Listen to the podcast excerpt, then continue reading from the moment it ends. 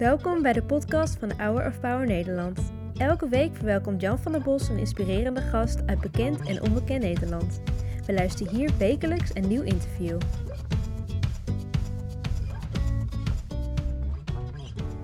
Oh Holy Night. En uh, daarover gaan we ook praten over kerst en wat dat voor je betekent met uh, Jurjen van Houwelingen. Jurjen, je was een succesvolle internetondernemer, uh, een geliefd spreker. En dan gebeurt er iets wat je leven totaal op zijn kop zet. Ja, ik heb een herseninfarct gehad, omdat ik een uh, goed aardige tumor in mijn hersenen had zitten. Die op een gegeven moment een drukverhoging veroorzaakte, omdat hersenvocht niet meer kon doorstromen. En die drukverhoging die heeft mij dus in een coma gebracht. En toen ik bijkwam, toen was ik onder andere mijn zicht kwijt. Dus ik zag niks meer en ik wist ook niets meer. Ik wist niet meer dat ik getrouwd was. Ik wist niet meer dat ik kinderen had. Dat was allemaal weg. En dat heeft zich langzaam weer wat opgevuld. Dus dat geheugen dat heb ik weer wat ingevuld met, uh, ja, met feiten eigenlijk, want ik herinner me er niets van. Maar dat zicht dat is dus nog steeds uh, nagenoeg weg. Ja. ja. want zie je mij of niet? Ja, ik zie jouw gezicht wel, maar ik zou je niet herkennen. Want gezichtsherkenning is weer een functie die van mijn brein die stuk is.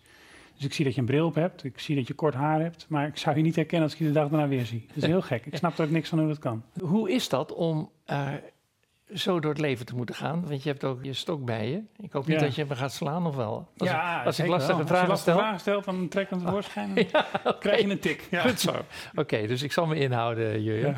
Nogmaals, wat ik vertel, je was een succesvol ondernemer, een geliefd spreker. Uh, ja, uh, jongeren die kwamen graag naar je luisteren, bijvoorbeeld op de Eeuw Jongerendag. En dan ineens is het weg. Ja, ja dat is niet makkelijk. Nee. nee. Dat hakt erin. Ja, dat, uh, dat is heel rauw. En dat, dat kost ook heel veel om dat te, te accepteren. En dat is denk ik tegelijk ook het geheim van veerkracht. Is dat je ergens moet accepteren wat je overkomt. En dat je, dat, dat je moet meebewegen met wat er gebeurt. Dus dat je niet moet verzetten tegen iets, want dat, dat heeft geen zin. En dan, dan wordt het alleen maar een frustratie en dan doet het alleen maar meer pijn. Terwijl als je gaat denken in mogelijkheden van wat kan wel, dan ontstaan er weer gaten en dan ontstaan er weer mogelijkheden. Dat vind ik wel heel spannend wat je zegt, want uh, ik zou denken dat ik me aan alle kanten zou gaan verzetten. Ja, ik ja. heb ook de verzetsmomenten gekend natuurlijk, vanzelfsprekend in mijn leven. En daar moet je gewoon ook doorheen. En die woede die je aan het begin hebt, die boosheid, en dan die bitterheid. En, en je hebt al die emoties waar je gewoon doorheen moet. En die mogen er ook gewoon zijn. En dat is denk ik ook, ook een belangrijk aspect van accepteren. Eh, wat, er, wat je overkomt, is dat je gewoon die emoties de ruimte geeft. Van je mag rouwen. Ja. En dat, het doet ook pijn. Ja. En het is ook niet makkelijk. Ik stelde straks de vraag in het begin van het programma: waar leef je dan voor? Dat vond je een moeilijke vraag. Ja. Ja, daar worstel ik nog steeds wel eens mee. Van waar, waar leef ik voor en waar doe ik het allemaal voor? Maar ik merk nu wel dat ik dus voldoening haal uit mensen inspireren. Dat ja. doe ik dus met mijn kunst en met dat spreken.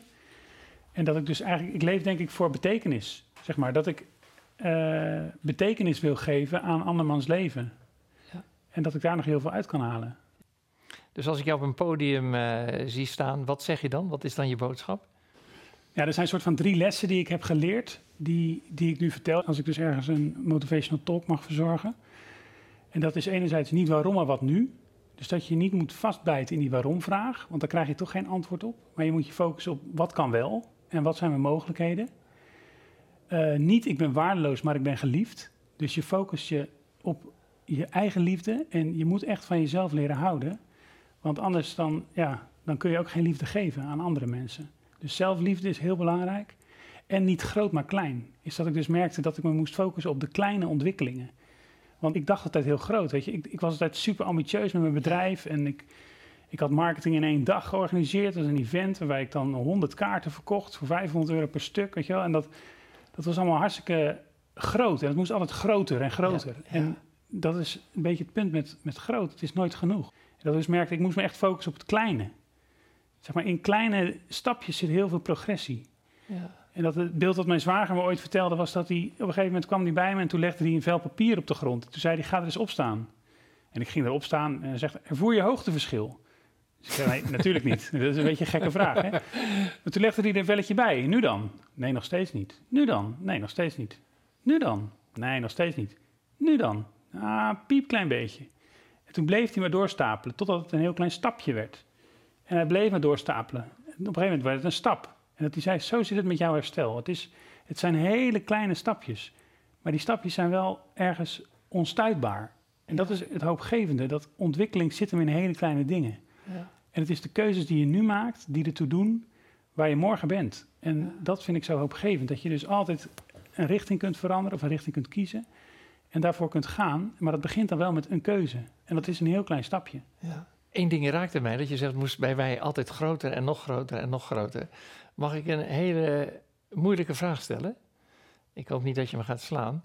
Ehm, denk je dat dit nodig was voor jou? Omdat je zo dacht in groot, groter, groot, dat je stilgezet moest worden? Ja, dit is een hele goede vraag. Want dit is, zeg maar, dit is de worsteling die ik heb gehad van, is het, gebeurt alles met een reden? Hè? Everything happens for a reason, hoor je mensen wel zeggen. Dat je denkt, ja, is dat zo? Ja. En ja, dat ik dat ergens niet kon geloven aan het begin. Dat ik denk van, dit is, dat is gewoon kolder, want dit is zo kansloos wat mij gebeurt. Dit is zo zinloos. Dit, hier kan geen diepere betekenis achter zitten. Terwijl dat ik nu toch merk dat in mijn proces, in mijn rouw, ben ik nu tot zegen voor anderen. En kan ik anderen inspireren en bemoedigen. En er gebeurt weer heel veel. En ook met mijn kunst, waar ik nooit mee aan de slag was gegaan als ik dit niet had gehad. Uh, dus er zitten toch wel weer hele bijzondere juweeltjes in het hele proces. Dus dat je langzaam gaat denken, ja, misschien gebeuren er toch wel dingen met een reden. En moest dit wel gebeuren? Ja. Heftig, hè? Ja, dat is heftig, zeker. Goeiedag. Daar ben ik ook nog niet hoor, om dat vol, voluit te zeggen van dit is mij gebeurd omdat ik dit en dit moest meemaken of omdat dit moest. Maar ik kan me wel voorstellen dat ik op een dag toch ga zeggen. Ja. Weet je wat ik zo mooi vind? Je houdt die, uh, die, die, die stok in je handen, Jurjen. En iedere keer denk ik uh, aan Psalm 23, waarin uh, David zegt, die dan het leven van een herder beschrijft, uw, uw stok en uw staf vertroosten mij. heb je troost van God? Nou, God is heel lang de afwezige geweest in mijn leven. Omdat ik hem niet ervoer. En ik, ik dacht ook dat ik hem alleen maar kon ervaren in een wonder van genezing. Ja. En dat bleef uit, dus toen was God heel ver weg. Maar nu begin ik langzaam God weer te zien als ja, die pure bron van liefde die alles doordringt en alles aanraakt. En het is zoveel groter dan ik dacht, zeg maar. Want ik, ik, ik dacht toch altijd over God als een soort persoon die toch iets lokaals was, die ergens was, weet je. En die, die dan ergens neerkeek op de aarde of zo en daar dan ingreep of niet. En die er dan bedoelingen mee had. Of, en nu merk ik, ja, God is, is, is, zit overal in. En het is alles wat... God zit in de glimlach van een kind, wij ze spreken. En in de zonnestraal op je gezicht. En in, in, in, in hele kleine genietmomentjes. En in hele moeilijke momenten. Overal zit God en doordrenkt hij alles. En dat is veel groter dan hoe ik vroeger over God dacht. Is je leven rijker geworden daardoor? Ja, ik denk het eigenlijk wel. Ja, misschien wel, ja. Je zegt het wat aarzelend. Ja, nou ja, ik, ik, ik merk dat je, je vraag verrast me een beetje, omdat ik me daar eigenlijk nog niet echt over heb nagedacht, of dat zo heb gerealiseerd. Nee. In de zoektocht naar uh, een, een, nieuw begin. Je was ondernemer, dat, dat kan dan niet meer. Uh, vond je dat heel erg? Dat je niet meer, want dat zit in je bloed, ondernemen? Ja, nou ja, dat zit zeker in mijn bloed, want ik ben ook gewoon weer volop gaan ondernemen eigenlijk. Hè? Want ik ben dus nu kunstenaar geworden. Ik ben die kunst op een gegeven moment gaan maken. Op aanraden van mijn familie ben ik toen een keer bij Kunst om de Hoek gaan kijken. Dat was een atelier in Haarlem. En toen, heb ik dat, toen vond ik dus dat ik die, die strepen kon maken. Ik weet niet of... Uh, hebben we hier een schilderij van mij of niet? Uh, wel zo? Ja, zeker. Ik, ik, zit naar twee prachtige schilderijen te kijken. Ja, nou ja, die strepen, daar ben ik dus ooit mee begonnen. Uh, zie je ze zelf niet staan daar? dan moet ik even goed gaan kijken hoor. Waar staan... Oh ja, nu zie ik hem. Ja, ja. Ja, die wat, zie je eigenlijk nu van... Van, van mijn doek? Ja? Nou ja, als ik hem eenmaal te pakken heb, dan zie ik hem wel. Maar het is een soort van, ja, omdat ik zo'n koker heb waardoor ik heen kijk. Een soort rietje. Ja, precies. Ik kijk als het ware door een rietje. Precies. Ja. ja, dus daarom zag ik hem even niet, maar nu heb ik hem te pakken. Maar dat ik dus begon met die strepen. En dat ik dacht van, ja, dit gaat aantrekkelijk zijn om naar te kijken. Dat ik dat gewoon wist ergens, van ik ga dat doen. Met die tape begon ik dus die strepen te trekken. En dan ging ik het verven en dan haalde ik die tape weer weg. En dan kreeg je zo'n mooie strakke lijn. En dat deed ik dan laag voor laag, totdat het hele doek vol zat. En ik wist gewoon, dat is, uh, dat is iets moois. En ja, toen werd dat dus ook gekocht. En toen begon de ondernemer in mij natuurlijk weer. en uh, nou ja, toen ben ik dat dus gaan verkopen op een gegeven moment. En nu ben ik dus kunstenaar, ja. Wat wil je met je kunst bereiken? Het is met name die veelkleurigheid van het leven die ik wil uitstralen... en de veerkracht die ik wil laten zien. Ja. En dat je altijd nieuwe hoop kunt vinden. En dat, je, uh, ja, dat, dat er altijd mogelijkheden zijn als je in mogelijkheden kunt denken. Ja. Hoe breng je veerkracht aan in je leven? Ik spreek ook mensen die de gebrokenheid van het leven ervaren en zeggen: Ik kan niet verder meer. Dit, dit, dit, ik, ik, ik, ik, ik kom de dag niet door. Ja. Nou, jij bent het model van. eh, Je had ook kunnen zeggen: Jongens, hier ben ik, een zielig hoopje mens Ja. die niet zoveel meer kan. En, eh, Ja. Eh, maar in tegendeel, eh, het is, een, het is dus een keuze om Ja. een veerkrachtig mens te zijn. ja, je kunt het leren, ja. Ja. ja. En ik geloof zeker dat ieder mens het in zich heeft om Ja. om te gaan met moeilijke situaties. Ja. Ja. en tegenslagen. We, kunnen, we, we zijn allemaal super veerkrachtig. Ja. Maar we moeten wel die knop omzetten en die keuze maken inderdaad. Ja. En ons niet blind staren op de gesloten deuren.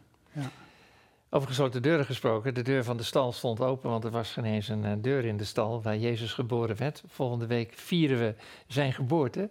Wat betekent hij in jouw leven? Wat betekent de geboorte? Wat betekent kerst voor jou?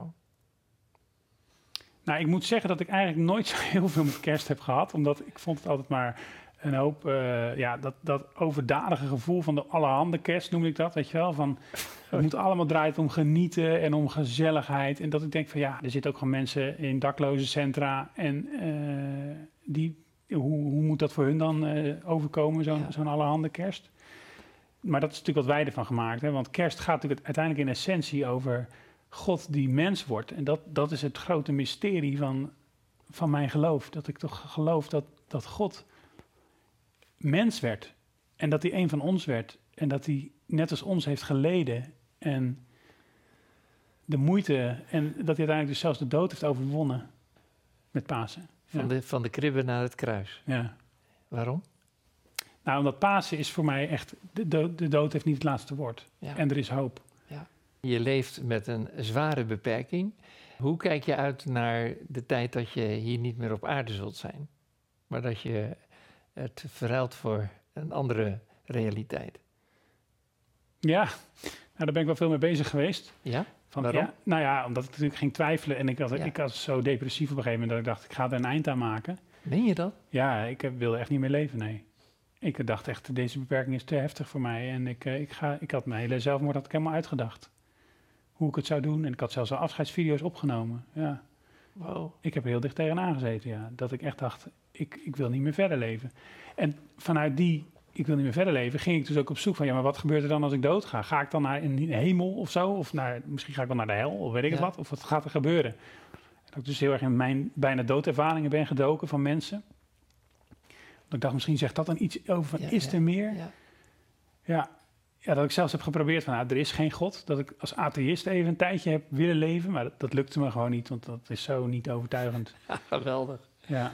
De argumenten voor het bestaan van God zijn zoveel sterker dan de argumenten tegen, dat ik echt niet, niet in God kon geloven. Ik heb ook helemaal gedoken in de wetenschappelijke achtergronden van Jezus en de evangeliën zijn die wel betrouwbaar. En dat, dat je merkt, die heeft echt hele sterke papieren. Ik bedoel, ja, nee, maar die, die, die evangelieschrijvers die waren bereid om te sterven voor, voor die waarheid. Zo Ja. geloofden ze erin. Ja. Die evangelie, die moet je serieus nemen. En daarin wordt toch verteld dat Jezus opstond uit de dood. Dus als dat waar is, nou, dan is er natuurlijk zoveel hoop. Toch wel in. En daar hou ik me nog wel echt aan vast, ja. Mooi man. Wat is je favoriete Bijbeltekst? Nou, dan moet ik eigenlijk denken aan 2 Korinthe 3, vers 18 volgens mij. En wij allen die met een aangezicht waarop geen bedekking meer is, de heerlijkheid van de Heer weerspiegelen, veranderen naar hetzelfde beeld van heerlijkheid tot heerlijkheid. Immers door de Heer die geest. Dus ik heb hem gememoriseerd uit de MBG-vertaling zelfs nog.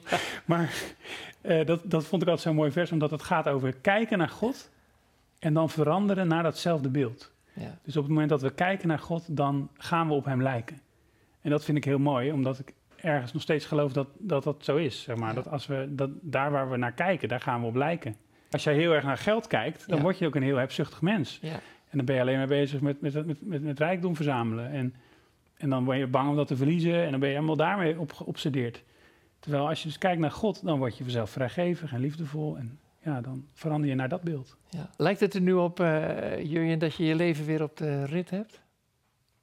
Het is natuurlijk absoluut niet zo. Ik bedoel, ik ben van het een op het andere moment zwaar hulpbehoevend geworden. En dat zal ik de rest van mijn leven blijven. Ik woon nu bijvoorbeeld begeleid bij ons tweede thuis. Dus dat is een club die mensen begeleiden met mensen met hersenletsel.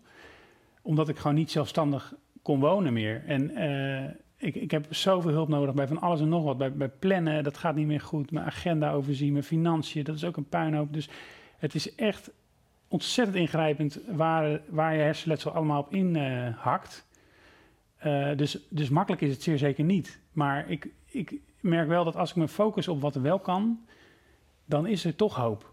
Ja, maar wel mooi dat er zoveel mensen om je heen staan om je te helpen in dat uh, leven wat anders redelijk chaotisch zou zijn. Ja, nee, anders dan was het ook geen leven geweest. Ja, dan had ik het niet gered. Ja, ja want wie staan er om je heen? Ja, mijn familie inderdaad, met name mijn zus, mijn zwager, die zijn heel betrokken. Ja, vrienden? Ja, vrienden, zeker. Ja, het is echt... Uh, ik ben wel heel erg gezegend met mensen die van me houden. Ik wil je heel hartelijk bedanken voor uh, dit openhartige gesprek. Ik laat je niet met lege handen weggaan. Herken je het al? Van... Je bent geliefd, zie ik staan. Kijk, ja. ja met nou. dat beroemde schilderij van uh, Rembrandt met die ah, handen. Ja. Ik geef hem uh, graag aan je. Dankjewel. Alsjeblieft. Bedankt voor het luisteren naar het interview van deze week. We hopen dat dit verhaal jou heeft bemoedigd. Wil je meer weten over Hour of Power of andere interviews bekijken? Ga dan naar www.hourofpower.nl.